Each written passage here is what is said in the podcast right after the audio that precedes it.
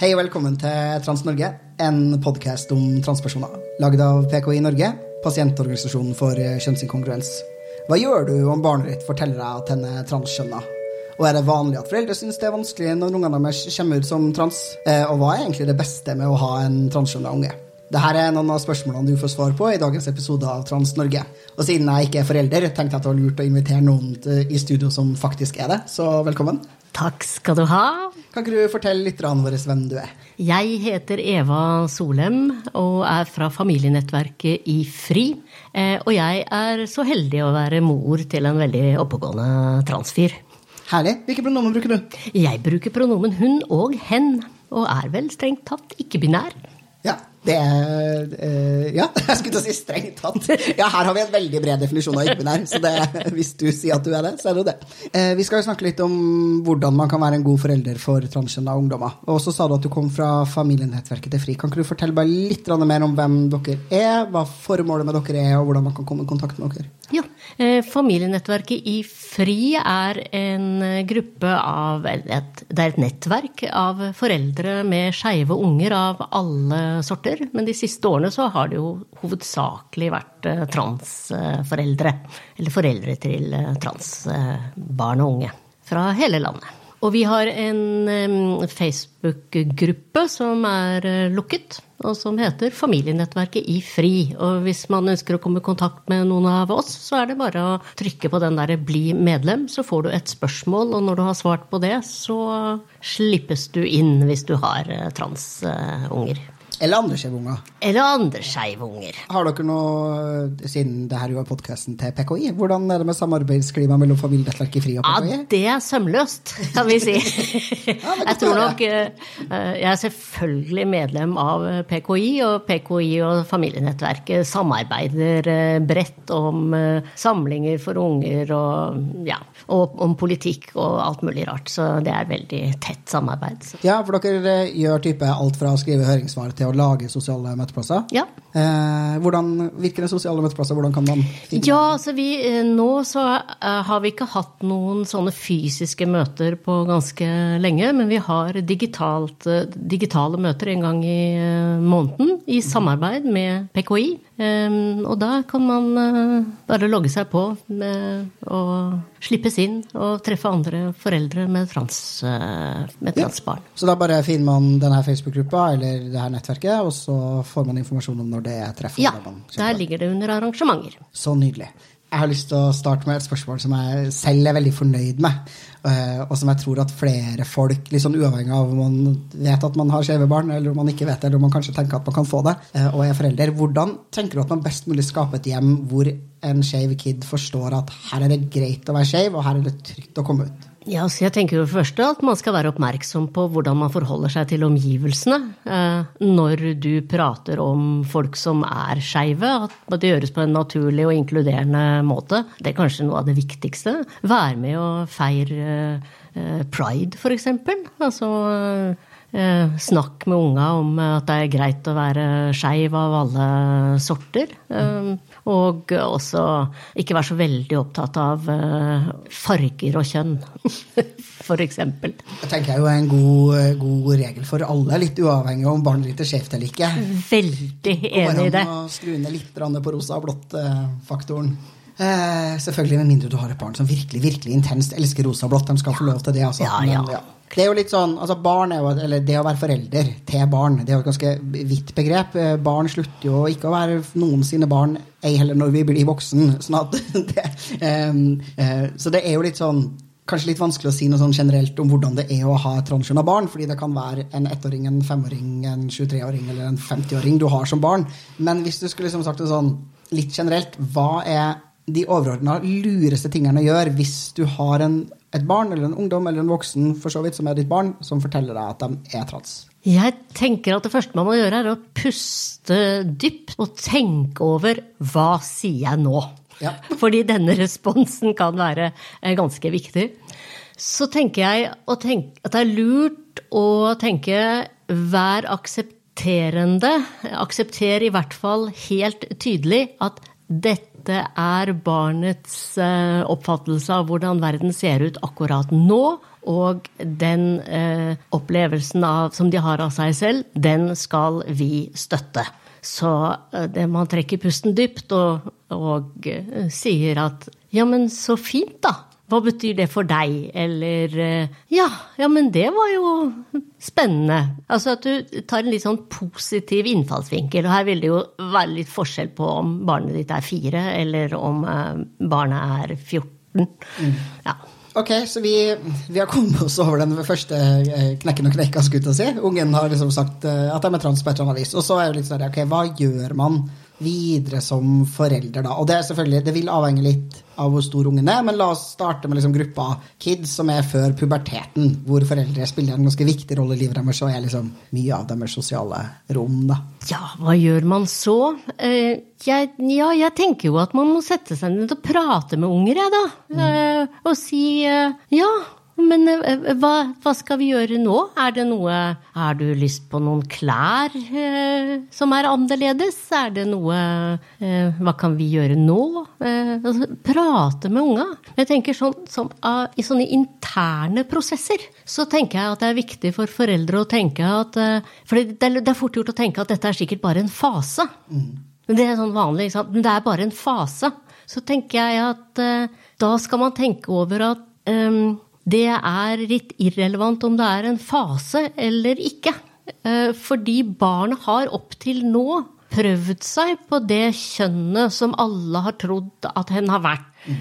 Som hen har blitt sett eh, som og hatt navn og pronomen til. Og, og så kjenner barnet på at det her skurrer, det, skub, det skrubber imot bakkene, liksom. Dette sitter ikke ordentlig. Og så har barnet funnet ut om seg selv at 'jeg er et annet kjønn'. Og da tenker jeg, da har de hatt en fase hvor de har prøvd én ting. Og det de trenger nå, enten det er en fase eller ikke, det er å teste ut dette nye. Mm.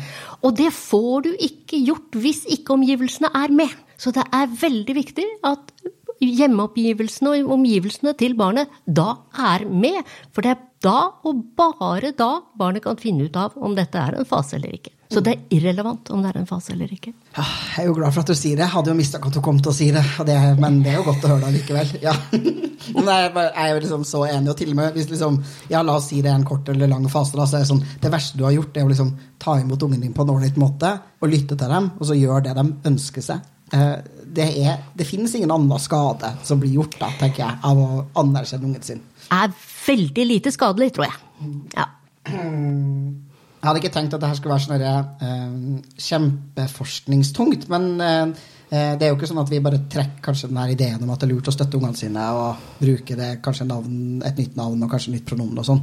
Det finnes jo kanskje noe forskning som sier at det er lurt? Ja, det fins god forskning på det. Det viser seg jo at Nå har jo ikke jeg tallene her, men, men Eh, vi vet jo at støtte på hjemmefronten er en av de viktigste vaksinasjonene mot psykisk uhelse som eh, barn med kjønnsinkongruent kan få. Det fins ingenting som er viktigere, rett og slett, mm. mot, eh, ja, som en vaksinasjon mot psykisk uhelse. Støtte hjemme. Aller viktigste. Ja. Ja, for det er jo litt sånn, Man ser jo statistikken på liksom, psykisk helse for voksne transfolk og for så vidt også ungdommer. og da Man ser at det står liksom ganske dårlig til, og da må man jo bare minne lytterne igjen på at det er jo ikke fordi vi er trans. Man får ikke dårlig psykisk helse av det, nemlig. sånn at Det må liksom være eh, pga. måten man blir møtt på.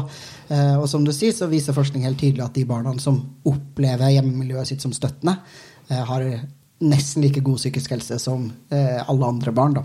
Men hvis man ok, vi, okay, vi har lagt, ja, man skal støtte, men man kan kanskje bytte navn, kanskje bytte pronomen, kanskje bytte garderobe, kanskje få noen nye leker. altså Det kan være litt sånn forskjellige ting barn har behov for. Eh, veldig flott. Og så er det liksom to spørsmål som melder seg. Det ene er jo Men hva hvis du syns at det er litt vanskelig, da? Som forelder? Hva ja, altså jeg tror jo at det er veldig mange, og jeg har erfaring med at det er veldig mange som syns det er vanskelig. Jeg har pratet med rundt et par hundre foreldre til transbarn og unge. Eh, og ja, det er mange som syns det er vanskelig. Så tenker jeg at ja, men det er derfor vi er her. Eh, fordi jeg må jo innrømme at jeg syns ikke det var spesielt lett når mitt barn kom ut som, eh, som trans. Og eh, for meg så var det uvurderlig støtte at du, Luka, stilte opp for meg. fordi da var det ikke så mange transforeldre der ute som kunne gi støtte. Ehm, så tenkte jeg at ja, ja, jeg vil ikke så forstokke annet enn at hvis det var vanskelig for meg, så er det vanskelig for en del andre. Så derfor så er jo jeg en sånn man kan prate med. Mm. når man syns det er vanskelig. Og det kan være vanskelig på en del forskjellige måter. Altså, for det første så har du brukt ett navn og pronomen kanskje over 10 000 ganger når du har sett dette ansiktet foran deg. Mm. Så du har fysisk dannet eh, hovedveier i hjernen som er vanskelig å stanse. Så når du ser det ansiktet, så er hjernens første respons å gå til det navn og pronomen du har brukt så mange ganger. Og bare det å få stanset den responsen er vanskelig og må trenes. Mm. Men så er det jo også den derre med at når man har et barn, og særlig hvis du ikke har sett, sett det komme, så føler du deg jo som en idiot. Hvorfor har jeg ikke sett dette? Har jeg gjort noe galt nå?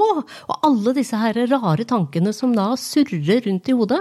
Så tenker jeg at det er tanker som er best å ta med andre voksne. Og ta med de av oss som da har vært eh, på den turen og vet eh, eh, Ja, som kan, kan være der for de voksne. Så ta kontakt med sånne som meg, da.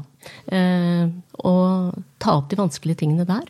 Eh, og så er det sånne ting som at man danner seg mer eller mindre når man har barn, så danner det seg Man danner seg noen sånne bilder av framtida som eh, jo også må justeres. Eh, og også da din forståelse av fortid.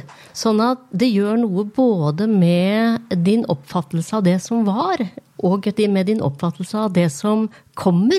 Eh, som eh, krever Som kan være krevende, eh, og som krever en justering. Og den justeringa, den må man øve på. Men det er også veldig godt å få både kunnskap og kunne ja, snakke med andre, da. Om det. Hva gjorde dere? Hva er lurt å gjøre nå? Hvordan skal jeg tenke omkring dette? Sant? Det er veldig godt sagt. Jeg tenker også at det er eh, alle, og alle vi som er trans, vi forstår også at det her kan være vanskelig for foreldrene våre. Det er jo en grunn til at vi i utgangspunktet kanskje er litt redd for å komme ut til foreldrene våre, som mange av oss er. Eh, og at vi og vi tenker også at eh, For de aller fleste av oss så betyr det også veldig mye hvordan foreldrene våre reagerer. Eh, og man har liksom en forståelse for at ja, det er en prosess. Jeg skjønner at du kan finne på å trenge tid og eh, sånne ting. Men som du sier, det er noen ting som det passer seg veldig mye bedre å ta med andre voksne. Kanskje liksom, ja, noen andre voksne i samme situasjon, eller som har vært gjennom denne prosessen før deg. Eh, til og med også at helsepersonell kan, i hvert fall sånn, de som jobber på helsestasjon for skjønn seksualitet, er flinke på å snakke med foreldre. Eh, så man kan skåne ungene sine litt for det her. For det er jo fort gjort at det blir ganske høyt konfliktnivå. Uh, vet jeg i hvert fall fra en del tenåringer jeg har vært i kontakt med, som er på den transsida av det her, uh, at det kan eh, føles veldig vanskelig og lett oppleves som at man ikke har støttende foreldre. Um, og det tror jeg jo ja, transfolk må være litt sånn tålmodig, uh, og det er ikke alltid like lett å være, men jeg tenker også at man skal ha en forståelse for at ja, transfolk syns det er veldig vanskelig, til og med sånne små glipper. da, så sånn som du sier, ja, vi, vi, forstår jo egentlig det her med navn og pronomen, at det kan ta litt tid, og at det, innimellom så glipper man opp, men det er også så smertefullt å bli feilskjønna. Så det er en sånn vanskelig å skulle møtes innimellom, tror jeg. Um, men ja, det er jo glad for at dere finnes, da, sånn at de foreldrene kan få et sted å gå til. Altså, det jeg jo hører blant, uh, av foreldre innimellom, det er altså at nytt navn og pronomen er veldig uvant, og det er det jo. Uh, og det er vanskeligst for dem som har brukt navnet og pronomen uh, mest, og det er uh, foreldra dine. Uh, og det er ikke nødvendigvis fordi at de benekter at du er et det kjønnet du er, men igjen så har man altså da hovedveier i hjernen, så det er mer eller mindre refleksresponser i hjernen som gjør det ekstra vanskelig. Um, men så er det noen som sier at ja, men eh, Som da kommer til meg, og som kan si at det er så uvant. Og så eh, pleier jeg å si at da er det viktig at vi Altså, skal noe gå fra å være uvant til å bli en vane, så er det bare én ting som gjelder. Det er å trene. Mm. Så man kan ikke vente til det ikke er uvant lenger. Eh, man må gjennom uvant. Og man må kjenne på dette er uvant, og man må gjøre uvant. For du kan ikke vente deg til en vane. En vane er noe man får gjennom praksis. Så det er kun gjennom øve, øve, øve, øve, øve, øve man går fra uvant til vant.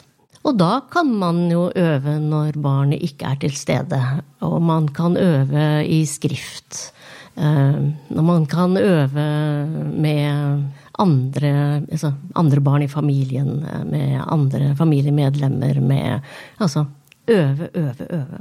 Skal det gå fra å være altså, bli, Skal man bli vant til det, så er det ingen vei uh, utenom gjennom uvant. Og hvis man er så heldig at man, eller altså hvis man har flere folk i familien sin, det spiller ingen rolle at jeg kan være heldig eller ikke heldig, men hvis man er flere i familien sin, så kan man jo også eh, som du sier, øve sammen. Øve når det her barnet det gjelder, ikke er der. Og kanskje også inngå en avtale om at man skal være flink til å arrestere hverandre og korrigere, sånn at man får trene opp å ordentlig trent hjernen. Ja da, dette oppfordrer jeg gjerne til. ja, det tenker jeg, tenker jeg lurt. Og det er jo mye bedre også hvis man skulle finne på å si feil hvis barnet ikke er til stede akkurat da, men da er det desto viktigere at man faktisk korrigerer seg også når den ungen ikke er der. Ja. Fordi det blir jo um, Det er ikke så si kan snakke om det med tid, da, men uh, um, det er jo litt sånn håpløst hvis man skal bruke liksom ett pronomen noen steder og så et annet pronomen andre steder. I, I overgangsperioder, kanskje før barnet er åpent på skolen og kanskje bare åpent hjemme, og sånn, så må man klare å sjonglere det. Men etter hvert så blir nok det vanskelig. Og jeg husker sånn, jeg har to som jeg, som jeg syns er veldig artig uh, med min mor, som var da hun slutta å bruke liksom feil pronomen om meg i fortid. Uh, fordi hun bare liksom på et tidspunkt ga opp og skulle prøve å liksom få til det her inni hjernen sin. Eh, og hvor jeg, jeg, tror det var liksom da, som du snakker om, da, at også fortida på en måte forandrer seg litt. Og da hun kanskje bare innså at jeg jo nok har vært en gutt hele tida, og at hun også ser på min barndom som en veldig altså som en transjon av barndom, ikke som barndommen til det hun tenkte at var en jente. på en måte. Og så syns jeg jo, eh, den dagen jeg forsto virkelig forsto at nå var det ikke bare sånn at min mor prøvde og fikk det riktige navnet på rommet, men at hun faktisk oppfatta meg som mann. Det var første gangen hun rota med mitt navn og navnet til de to brødrene mine. Eh, for da var jeg liksom gruppa sammen med de her guttene. Hvor hun var sånn eh, Ja, Jonas Luka Tore. Jonas Tore Luka Jonas, og liksom Begynte å sause oss sammen. For før så har jeg alltid hatt liksom stålkontroll på mitt navn, da, siden jeg var den eh, i eneste jenta. Og rota alltid med de her sønnene sine. Og da tenkte jeg sånn Ja, nå nå tror jeg det har skjedd noe inni hjernen til mutter'n. Nå tror jeg faktisk jeg er i gruppa sammen med i den her ekte gruppa. I den her sønnepoolen hennes. Ja, og jeg tenker jo at, eh, den historien Du fortalte meg den fordi jeg også holdt på sånn som så mange andre transforeldre, om å sjonglere med før og etter navneskifte og barn og ungdom og skifte mellom navn altså, Og så fortalte du mora mi, osv. Så tenkte jeg ok, da prøver jeg det. og så øvde jeg på det, og det, nå går jo det sømløst, og jeg anbefaler det til alle der ute. Når dere begynner med nytt navn og pronomen, så bruk det konsekvent. Og det er ikke bare fordi det er lettere, eh, det er sannsynligvis også sannere. Eh, men det gjør også noe veldig interessant med din forståelse av hvordan du ser på forskjell på kjønn. Eh, som er ganske så spennende. Det kjennes helt annerledes ut å si at, at mitt barn da med et eh, jentenavn var eh, norgesmester, eller Europa, nei, heter det for noe, østlandsmester i drill, og å si det om at uh, min sønn var østlandsmester i drill. Um, og også når vi snakker om ballett, vi snakker om sant, ting som er mye mer kjønna enn det vi liker å, å, å tenke. Mm. Så det gjør noe interessant med din egen opplevelse av verden. Og det er jo noe av dette som er mest spennende med å få en uh, transkid i fanget, altså. Ja. Det er hva det gjør med hodet ditt. Hva det gjør med din forståelse av samfunnet. Hva det gjør med din forståelse av deg sjøl. Uh, eh, ja. Uh, så man blir jo ekstremt mye mer smidig i huet når man først har gått gjennom disse prosessene. Mm. Og det åpner for nye muligheter, og jeg har ikke tall på hvor mange transforeldre som har begynt å sette spørsmålstegn ved både kjønn og seksualitet og alle sine forestillinger på ja, store felt i samfunnet etter å ha fått, uh, gått gjennom en prosess med å følge sitt transbarn på reisa. En enorm gave. Veldig kult. ja, da har du jo egentlig besvart spørsmålet mitt om hva som er det beste med å ha transgender kid, da. ja, det, er, det, beste er jo at det er kiden din, liksom. Ja. Um, men eh, sånn den der ekstra ekstrapakka, transpakka, den er fantastisk. Um, det må jeg jo si. Jeg pleier av og til å illustrere det med at det å få en en transbarn, transungdom i fanget, det er som å få en enormt flott uh, julepresang. Men den er litt trøblete å pakke ut. Ja. Men når du har fått pakka den ut, så er det noe av det mest staselige du har fått, ass. Ja, altså, jeg er jo helt enig. Og jeg tenker at hvis du som forelder har endt opp med å ha, er så heldig da, at du har en transkid, og du har et godt forhold til den transkiden, så har du gjort noe veldig veldig riktig som forelder. Og du har liksom gjort, du har liksom eh, takla kanskje en av de tingene som Eller en av mange ting da, som kan være vanskelig med å få barn, og du har liksom faktisk fått bryna deg litt på det her med å være forelder. Og hvis du, ungen din fortsatt er glad i deg på enden av det her, så tenker jeg da har du, da har du gjort noe riktig. Ja. Og det er ikke fordi det er så feil å være trans, også, det er bare fordi verden er litt utfordrende for transfolk, og da er det også litt utfordrende å være forelder for oss. Ja, og det, men det tenker jeg, hvis jeg kan si litt om det, da. det det er jo så mange som tror at når foreldre blir eh, lei seg og fortvila, når barn kommer ut som trans, så er det fordi de syns at det er feil at de er trans, på en måte. Og det er min opplevelse at det er ikke, det er ikke fra det stedet det kommer. Det er fra den erkjennelse at samfunnet ikke tar vel imot transfolk. Mm. Og at kanskje deres liv blir vanskeligere enn det burde være. Eh, foreldre ser for seg eh, at eh, barnet skal få må stå i vanskeligheter og sorg eh, som de eh, ikke så for seg. Eh, og at det er der eh, denne, eh, kan du si for noe, sorgen eh, over et barn som er trans, bunner i det. Ikke i at det er noe gærent i å være trans, men at samfunnet kan være slemmere med transfolk. Og det kan jeg jo forstå. Jeg vil jo tro at det å være forelder er jo et slags ønske om å verne barna dine mot alt vondt her i verden. Ja. ja. Og det hører jeg også mye. Altså, jeg kan, jeg klarer, altså, hva gjør jeg nå? Dette, jeg klarer ikke å holde dette unna barnet mitt. Eh, så si at nei, vi kan ikke, vi kan ikke altså, Ingen kan klare å holde all smerte unna mm, barna sine. Vi får bare prøve å rydde hindringer av veien som vi kan etter beste måte være støttende. Mm. Og så vil jeg anbefale foreldre da, som blir litt redd når de ja, f.eks. leser statistikken da, om uh, selvmordstallene for transfolk, og man liksom hører at uh, det er dårlig helsetilbud og man kan bli litt redd. da. Mm. Så anbefaler jeg også å liksom, se på hvor mange lykkelige og fantastisk glade og fornøyde transfolk som faktisk finnes i verden. da. Uh, og da mener jeg sånn, følge, følge voksne transfolk på Instagram og andre plattformer du eventuelt er på, og bare få høre litt flere transfolk i monitor. da, og være sånn, ja, ikke sant, Det er jo sabla fine, flotte folk som lever lykkelige og fine liv. Det tror jeg kan være kanskje viktig da, for å nyansere det bildet av den frykten litt? Ja, jeg tenker det også. Det er så viktig å tenke på at uh, forskning ligger alltid bak utviklinga. Altså, du forsker jo på det som var, ikke på det som kommer. sånn at uh, vi ser jo også en stor utvikling i samfunnet. Jeg ser jo en stor utvikling også i foreldre til uh, transfolk. For nå har jeg holdt på med, jeg holdt på med dette nå i en tiårstid.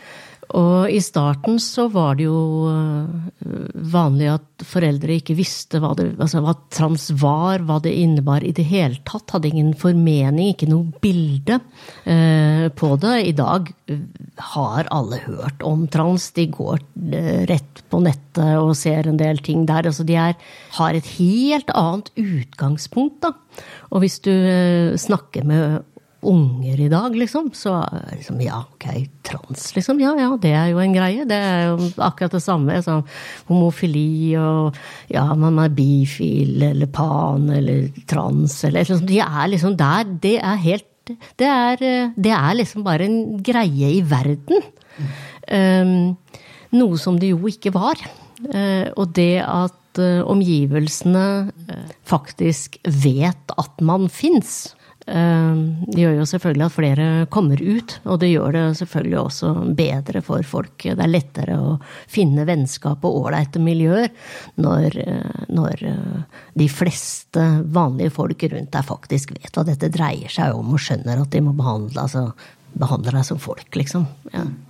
Altså, verden er ikke perfekt for transfolk ennå, men det er stor sannsynlighet for at din transkid kommer til å få det faktisk bedre enn det, sånn som det ser ut på statistikken. Ja. Fordi ting har blitt bedre. Ja, rett og slett. Så eh, foreldre kan bli redd og kanskje vise litt motstand, eh, ikke fordi de ikke tror på ungen eller ønsker å være støttende, men fordi man er redd for omgivelser og hva som skal skje.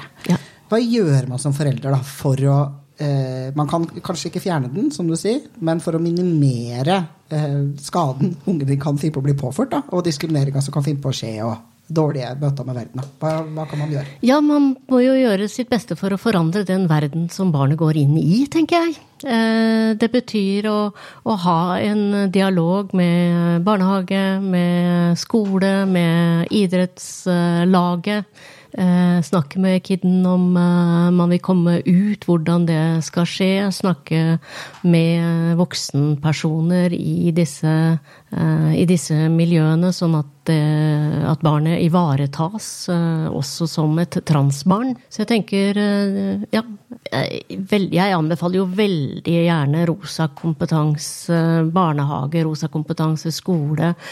Få opplæring på disse stedene hvor barna våre er, da. Ja, det tenker jeg er ganske viktig, da, fordi man kan jo bli veldig redd for hele den store, vide verden der ute, og all den totale transfobien som finnes i verden. Men en av de tingene som jo er en litt lykke med spesielt små barn, da, er jo at de vanker jo ikke en så stor verden. De henger med foreldrene sine, to venner uh, og deres foreldre. Kanskje et besteforeldrepar, noen søskenbarn, og så er de i barnehagen f.eks. Og det her er omgivelser man med relativt liten innsats kan modifisere. Ja. Uh, og sørge for at det er trygg og god. Da. Så kan det godt være at det står en kronikk som er kjempetransfob i avisa, men det skal ikke din fireåring lese uansett. Så det, det, går an å faktisk få til en eh, å gi barn en, en, en, følelse av at hele verden faktisk er et trygt sted. Ja. ja. det tenker jeg er veldig, det er, det er veldig godt uh, oppsummert. Og så hender det også at noen, noen voksne sier men hvordan skal jeg si, forklare dette til min uh, Kanskje man har en åtteåring som uh, kommer ut, og så har vedkommende en bror på fire. eller en fetter eller kusine, liksom. Hva, hvordan skal jeg forklare dette liksom, veldig vanskelige konseptet med trans til disse unga? Så pleier jeg å si at nei, det, altså, unger de forholder seg til den verden du presenterer. Så hvis du sier at nei, men vi trodde at uh, Maren var ei jente, uh, vet du. Uh, men så viser det at vi tok feil, så nå nå heter, nå heter han Bertil. Uh, og er en gutt. Og så ser de bare på det og sier OK, ok, eh, hvor er fotballen min? Altså, det er, det er helt chill. De har liksom ikke Du kan få noen reaksjoner på søsken, kanskje hvis de har sett veldig opp til en storebror eller en storesøster, liksom, men erfaringene viser at det her, det går ekstremt bra. Unger er ikke de man skal uh, bekymre seg for. Og i min erfaring heller ikke besteforeldre. Nei, ikke sant? Eh, for det er en sånn ting også som vi ofte ser. Det er at eh, vi tror ofte at eh, besteforeldrene våre, besteforeldrene til disse transkidda er for gamle til å skjønne hva dette dreier seg om. Men faktum er at blir du gammel nok, så har du opplevd så mye at du tenker at ja, det er mye, det er mye vi ikke veit noen ting om, men vi får være snille med hverandre allikevel. Sånn at de har en Ser ut som de har det lettere for å gi aksept, rett og slett uten å behøve å forstå. Det er ikke nødvendig. Så eh, jeg tror det er mye sånne bekymringer som foreldre gjør seg, som man kanskje skal eh, la være eh, å ha. Jeg er glad for å høre det. Og jeg, jeg, tenker også at, at, du har rett. Er det noen som man kunne, skulle kunne forvente da, at faktisk møter verden med et litt åpent sinn? Det er jo dem som har mest erfaring med verden. Ja, altså Det er jo ikke dermed sagt at det alltid går smooth, men uh, min erfaring er at bekymringene ofte overskrider uh, det man kan forvente. Ja. Ok, så vi, eh, vi lever også i en verden hvor vi støtter barna våre, rett og slett. Vi bruker riktig navn og pronomen, og også en annen ting som er viktig, altså får bytta på de her familietitlene. Det er også en litt sånn slitsom ting. Det er ja. veldig mange familietitler som jeg skjønner. Sønn og datter og niese og fetter og nevø og ja, onkel og tante og mor og far og hele bøtteballetten. Så der må man også få ordna sånn at det funker. Og så skulle jeg si, kanskje komme noen innspill på sånn ikke-binære Ja, det er jo alltid spennende. Der har man jo ikke Altså, eh, en sånn tante og onkel som kan være tankel, f.eks. Det syns jeg er fint. Men på, nor på, norsk så har vi jo en del eh, Vi har jo søskenbarn eh, istedenfor fetter og kusine. Søskenbarn fungerer fint. Vi har søsken istedenfor bror og søster. Mm. Um, Barn av kom ungen min. ja, bar, barnet mitt. ungen min. Eh, det går helt fint å bruke det på ikke-binære. Og det med ikke-binære transbarn, da, det Nå begynner jo det å komme i større grad. Tidligere så så vi at eh, de som kom ut som ikke-binære, nok i større grad var eh, ungdommer. Mm. Eller unge voksne. Eh, men eh, nå begynner de å dukke opp eh, flere og flere av disse som da er i barneskolen. Som sier ja, jeg er verken jente eller gutt. Jeg er litt av begge deler. Jeg er ikke binær. Og det er jo skitspennende! Ja, altså, jeg syns det, det er bare helt praktfullt! Det er ingenting som knekker hjertet ditt på en så nydelig måte som transkids. Liksom. Og spesielt kanskje dem som er så eh, pionerer da, på skjønnsfeltet at de bare går ut i en verden hvor de har blitt fortalt at det bare finnes to skjønn, og så sier de men det stemmer ikke. det er bare det, helt ja. nydelig. Ja. Ja. Så vi, vi, er støttende og bra, og alt er fint. Og så er jo spørsmålet mitt eh, Nå skal jeg være liksom djevelens advokat. Jeg skal ikke det, altså. Men um, skal man ikke kunne liksom, stille noen kritiske spørsmål? For det er det en del foreldre som spør meg. Skal man ikke, kunne, liksom, skal man ikke gi noe motstand? Skal man bare bejuble og bejae og si at alle behov og ønsker denne ungen kommer med, er kjempefint? Eller, eller, er det noe man skal stille spørsmål om? Altså Igjen her så tenker jeg jo at det er naturlig å kunne altså Man må jo kunne stille noen spørsmål, men det kommer jo litt an på hvordan du gjør det, tenker jeg. Mm. Man må jo kunne stille uh, ja, spørsmål om hvordan tenker du deg framtiden, hvordan kjennes kroppen din ut? Hva og hvis, eh, hvis, noen tenker på vi har sånn og sånn type kirurgi eller ikke, og sånt, så går det jo an å Har du tenkt på hvordan det vil påvirke seksualiteten din hvis du er glad i sex? Hvis du skal ha sex, når, eller hvis du skal ha barn når du blir større, og sånne ting. Det, det kan man jo sikkert gjøre. Men jeg tenker det er viktig i den hvis man skal stille spørsmål om at man gjør det fra et sted, et omsorgsfullt sted, da. Eh, og hvor det du stiller spørsmål om, ikke er hvorvidt dette, denne oppfattelsen av hvem du er som kjønn, er det du stiller spørsmålstegn ved. Eh, for det kan du jo regne med at det har alle transfolk tenkt over ekstremt godt, uten at du behøver å stille et eneste spørsmål ved det. Ja. Tenker jeg. Um, ja. Så, så um, det er kritiske spørsmål jeg tenker omsorgsfulle, åpne spørsmål som kan si deg noen ting om hvordan framtiden kan se ut, om du, hva barnet ditt, eller hva ungdommen din trenger eh, fra deg i framtida. Det tenker jeg kan være lurt, så du er litt, eh, litt forberedt. Mm. Da tenker jeg kanskje også det er lurt å gjøre seg selv så kunnskapsrik som man kan som forelder. For jeg, det er jo, jeg er i hvert fall blitt overraska over hvor små barn som kan stille relativt intrikate spørsmål om f.eks. kjønnsbekreftende behandling, og være litt større, hva slags type penis kan jeg få når jeg blir stor? Ja. Og så sitter man der som forelder og er sånn Ja, ikke sant, vi skal snakke om det, ja! Det, det, vet, jeg ikke så, eh, det vet jeg ikke så mye om. Um, og da er jo spørsmålet sånn hvordan, Hvor får man tak i den kunnskapen som forelder, og når skal man si at man kanskje kommer til kort òg? Og kanskje sende det barnet videre til noen andre? Ja, altså jeg, jeg, tenker jo det at vi får spørsmål eh, ganske sikkert fra alle ungene våre som vi ikke kan svare på. Og kan vi ikke svare på dem, så sier vi vet du hva, det kan ikke jeg svare på. Men det kan jeg kanskje finne ut. Og om ikke jeg kan finne ut, så kan jeg i hvert fall finne ut hvem som kan svare på det. Og hvem som kan svare på det, det kan du nesten alltid finne ut på disse Facebook-gruppene for uh, transfolk. Og her tenker jeg et medlemskap i eh, PKI eh, er veldig lurt. Da får man tilgang til en hemmelig Facebook-side der det er Altså hvor du har 1000 kunnskapsrike transfolk, tenker jeg. Der er det mye kunnskap. Og det fins Du kan gå Altså, går du inn på i gruppa Familienettverket i FRI også, så Å stille spørsmål der, så vil du også Da vil du bli peilet inn på hvor du kan få tak i, i svar, tenker jeg, på veldig mange spørsmål. Og for veldig mange av oss så er nettopp kunnskap nøkkelen til uh, vår, egen, uh, vår egen, utvikling som foreldre da, til transbarn. Så, det er uh, Men vet du det ikke, så, så, så, sier du bare at dette vet jeg ikke. Men det kan jeg finne ut. Så du kan, prate, altså, du kan starte med å prate med meg, for eksempel. Det anbefaler jeg alle å gjøre, faktisk. Fordi jeg har jo etter hvert et ganske godt nettverk og vet jo en del om hvor man kan få svar på hva. Det er jo ikke sånn at én person kan svare på alt. Eh, men det er ressurser der ute eh, som man kan, eh, som man kan bruke, tenker jeg. Og da gå til gode ressurser. Gå til pasientorganisasjoner for kjønnskongruens. Gå til helsestasjonen for kjønn og seksualitet. Gå til iChatten.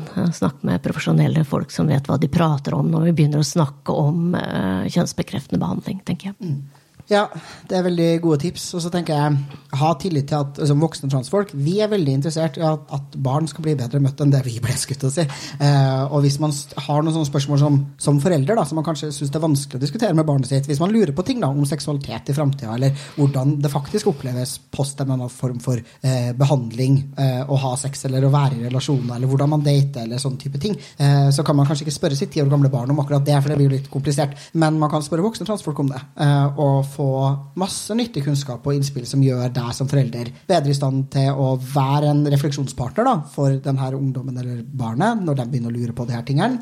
Eh, og at du får liksom en sånn, ja, faktisk bedre forståelse. da. For det er heller ikke sånn at jeg tenker at forskninga alltid gir den liksom beste forståelsen av hvordan kjønnsbekreftende behandling fungerer eller virker. Når man ser sånn eh, 86 oppgir å, kunne oppnå orgasme etter å ha gjennomført liksom, eh, vaginaplastikk og fått en vulva. Og så er det sånn, ja, men det er litt tynn kunnskapsgrunnlag. Man har kanskje lyst til å vite litt mer tenker jeg, om hvordan, hvordan er det Altså, Syns du det er gøy å ha sex? Eh, er du glad i å date? Føles det bedre nå enn det føltes før? Til og med for dem som kanskje ikke får det Altså, som er altså, Er det fortsatt å foretrekke overfor sånn som det var før? Fins det folk som ikke har gjennomgått det her, som lever lykkelige liv?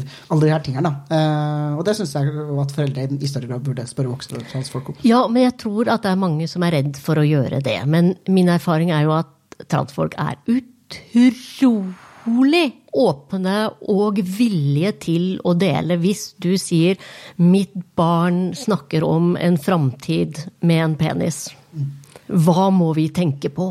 Ikke sant? Eh, hvor, hvor er de, fins de beste ekspertene på dette? Hvor mye penger kommer dette til å koste? For dette Vi foreldre setter jo opp sparekontoer her, ikke sant? Mm.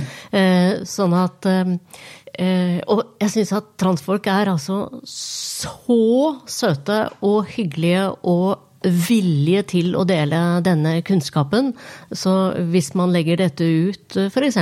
på PKI eller i åpen gruppe for transpersoner i, i, Norden, eh, så vil du nesten alltid få respektfulle, gode svar. Eh, og gjerne da hvor de sier 'jeg sender deg en PM', eh, personlig melding, og så er dere i gang. Det er en sjenerøsitet der ute som er nydelig. Og så er det jo jeg snakker litt om det liksom, måter å snakke om behandling og behandlingsbehov, eller hvordan man skal leve livet sitt, som eh, på en måte ikke er kritiske spørsmål, men som er spørsmål som kanskje kan gi noen nyanser. For av og til så er det jo sånn at barn er litt kategoriske og firkanta i måten de tenker på. Og de har blitt presentert for en ganske kategorisk og firkanta verden. Mm. Så de får jo høre på skolen for eksempel, hele tida at eh, hvis du er jente, så må du ha innovertiss og mm. pupper og alle de tingene der, og du er nødt til å ha langt hår, og du er nødt til å like rosa, og så holde på sånn.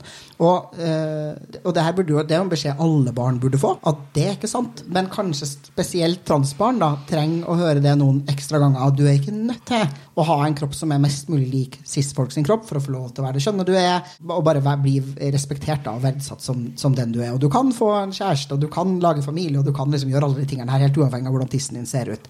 Og når man får sagt det på en måte hvor man ikke mistror, da, og også si sånn Men hvis det her er et behov du har, så skal du selvfølgelig få tilgang på den kirurgien. Og vi skal finne ut alt som er å vite om denne behandlinga, og så, tar du, så er det jo sånn at på et eller annet tidspunkt så er det et valg som den ungdommen eller voksenpersonen da, må ta selv. Har du sånn, hvordan For jeg ser for meg at foreldre kan synes at det er veldig vanskelig. Hvordan formulerer du liksom de to tingene sammen? Jeg tenker at det viktigste er å si hvis, altså Når barnet begynner å finne ut at min tiss er ikke som de fleste andre jenter eller gutters tisser, så tenker jeg at det er viktig å gjøre oppmerksom på at eh, ja, ja det er de du ser her nå, men de fleste gutter har utovertiss, har penis. De fleste jenter har en skjede og en vagina, men ikke alle. Og disse som er som deg, de fins også.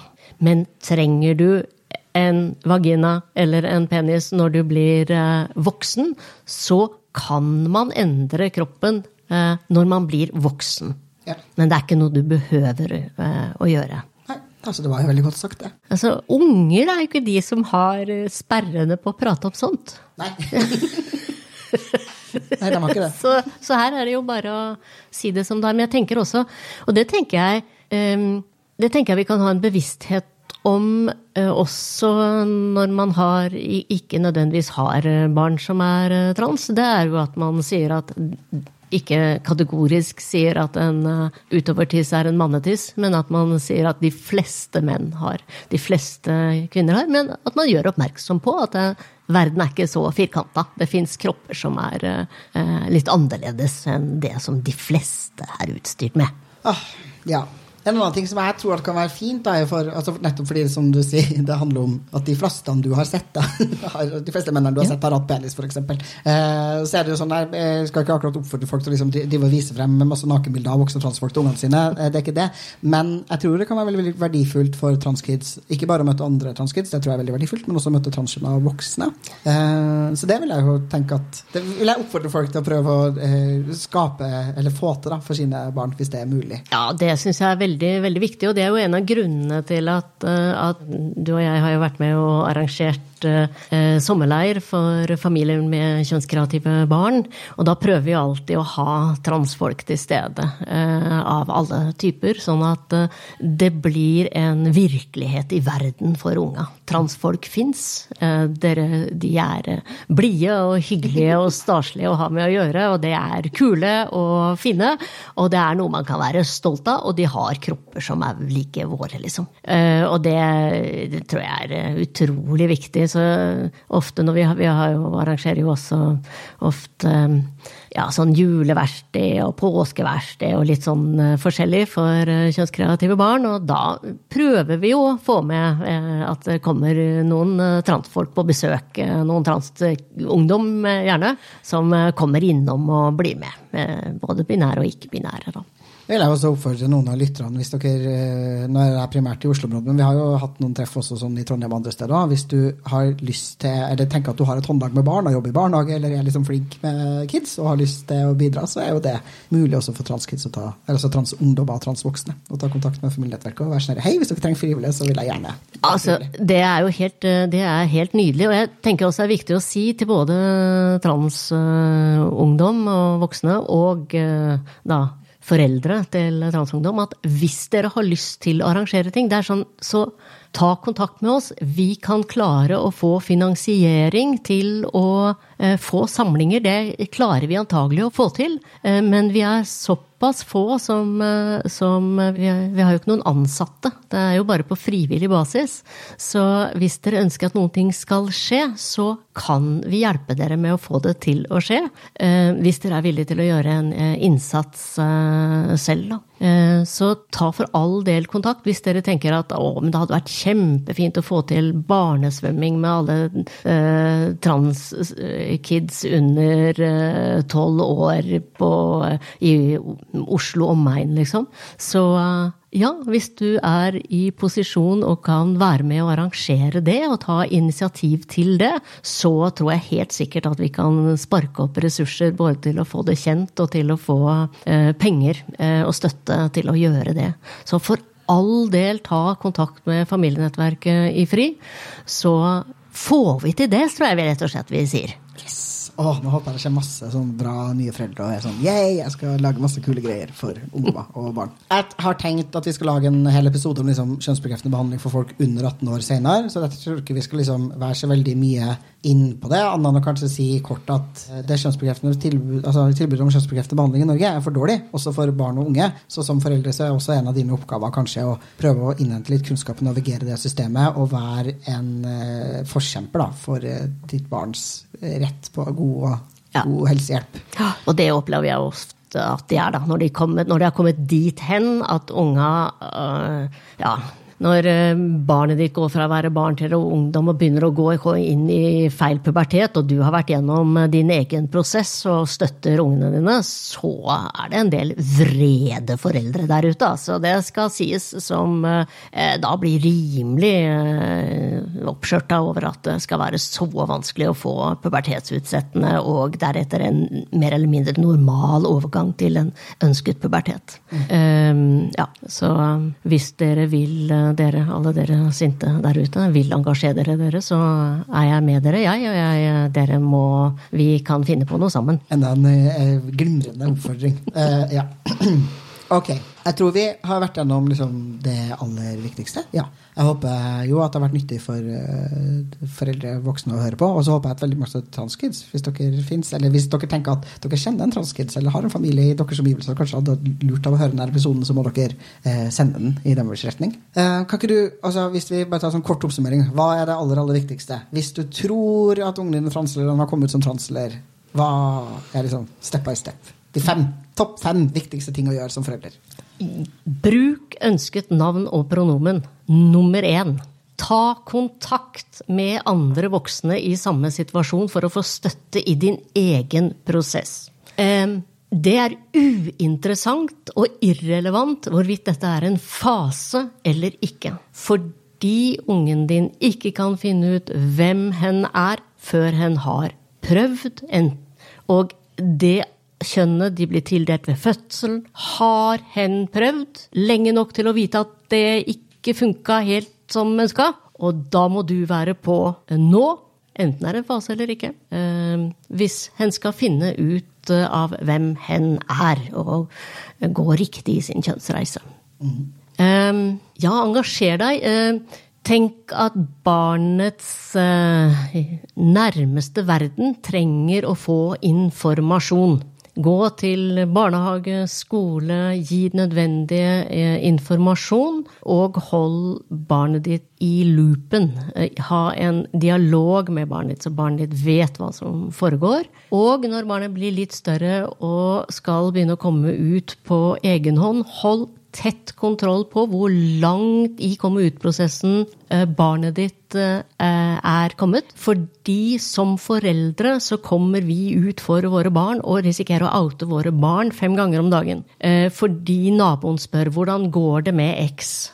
Og bruker gammelt navn og pronomen. Og så er det spørsmålet er tida inne nå for å si at eh, navnet er det, og pronomene er det, og det går fint, og vedkommende er student, eh, liksom. Eh, eller er det ikke det? Så det tenker jeg er også litt sånn oppfordring til, ikke bare til foreldre, men foreldre må spørre unga sine, og ungene må være villige til å si uh, ja, nei, nå er det greit å si det til uh, dama i Narvesen-kiosken og uh, naboen tvers over og de som går på fotballen sammen med Skjønner du? Mm. Fordi i starten så er det ofte begrenset hvem du får lov til å komme ut til, og så glemmer av og til både foreldre og voksne at de må holde styr Altså de må begge to holde styr på hvem skal skal vite hva når. Eh, og det må også foreldrene vite, fordi vi kommer ut på vegne av våre barn. Og eh, ja, så hold den kontakten eh, nær og, nær og kjær. Så du ikke outer